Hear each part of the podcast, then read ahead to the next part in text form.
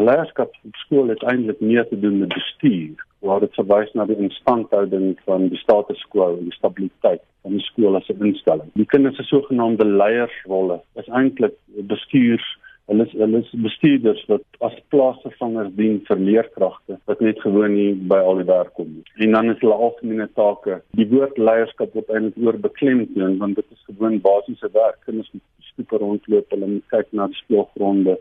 Hulle moet nuus dra, hulle moet boodskap dra die onderwysers, hulle moet konflik oplos, hulle moet gevegte stop op die speelgronde vir werk wat eintlik volwasse persone se werk is. Wat is die ideale model dan in jou opinie?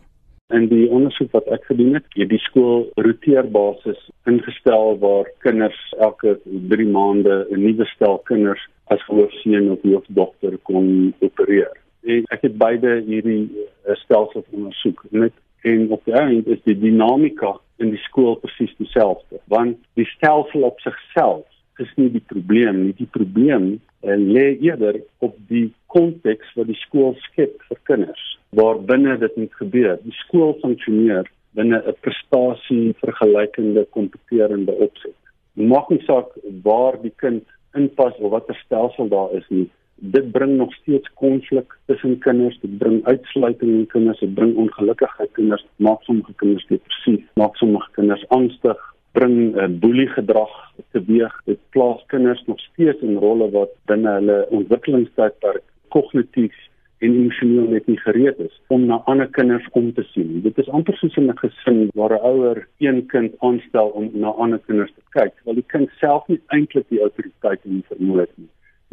Groot ongelukkigheid dan tussen kinders van dieselfde ouderdom. En dan die kinders wat aan die ontvangkant is van die autoriteit, van die prefekte wat moet beheer uitvoer oor die kinders.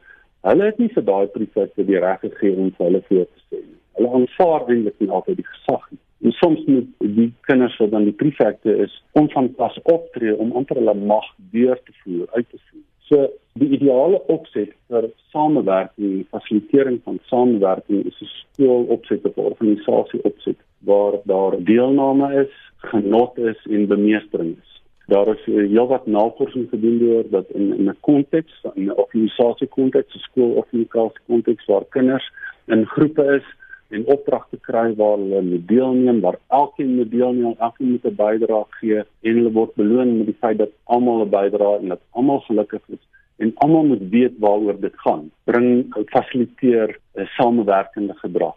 Waar leer kinders dan om leiers te wees? Gesinsinvloede speel 'n kritiese rol in 'n kind se ontwikkeling. Die rolmodelle van ouers is noodsaaklik in hierdie gedragsontwikkeling. En leierskapontwikkeling is meer waarskynlik in families waar ouers meer opgelei is, waar beide ouers minder verwerpend, bestraffend en oorbeskermend is. En indien ouer-kind interaksie gekenmerk word deur positiewe kwaliteite soos deur stimulerende omgewing daar te slaap, geleenthede vir besluitneming, aanmoediging en dat oorwegend 'n aanvaardende omgewing predisponeer dit kinders om meer leierskap gedrag te toon. En, en daar's 'n klomp navorsing wat sê dat kinders leer uh, uit hulle ouers se gedrag. Hulle leer om eksperimenteel van hulle interaksies met die ouers. So kinders sal in hulle interaksie met ander eksperimenteer met die gedrag wat hulle by ouers gesien het. Studente byvoorbeeld modelleer bestuurstyle van mense wat hulle geadmireer het vroeër in hulle lewe en die meeste van die studente verwys na hulle ouers as modelle.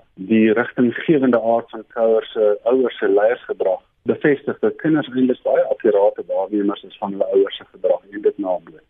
Nou hier het verrykende implikasies vir die ontwikkeling van leierskapspotensiaal binne laerskoolverband. Leiersrolle en geleenthede in laerskool gaan nie noodwendig leierskap by die preadolescent ontwikkel nie. Die potensiaal is reeds aangeleer en ontwikkel in gesinsverband binne die konteks van betekenisvolle verhoudinge. Die skool benut nie die mense materiaal wat sy beskikking is. Te praat van leierskapsontwikkeling is baie meer kompleks. Dit verg toesighouding en intense toesighouding van onderwysers om kinders by te staan uh, op byvoorbeeld op 'n speelgrond oor hoe om 'n konfliksituasie te ontlont. Johan, wat is dan jou gevolgtrekking oor leierskapsontwikkeling op laerskool? Dis basies onmoontlik of dit is uh, uit ervaring weet ons dit gebeur nie in skole nie. Kinders is alleen aan hulle self uitgestel op stoepe en op die speelgrond en waar hulle ook al moet funksioneer as sogenaamde leiers wat hulle eintlik nie is nie. Hulle voer net opdragte uit en help eintlik die skool om sy werk te doen. Dis nie die skool wat die kinders se guns doen nie, dis die kinders wat die skole guns. En dit het eintlik basies niks met leierskap te doen. Inteendeel, kinders se belewenis en se beskrywing van leierskap is heeltemal anders as die volwasse perspektief. Volwassenes praat van leierskap wat hulle vir kinders gaan leer. Terwyl kinders bespreek dit is 'n polisie konnotasie. Daar is navorsers wat al vroeg hier in 1982 gesê het, wel as dit die geval is, as dit is wat leierskap op laerskole is, dan moet ons dit stop, dan moet ons dit heeltemal van die tafel af vee. Maar dit het nie gebeur nie.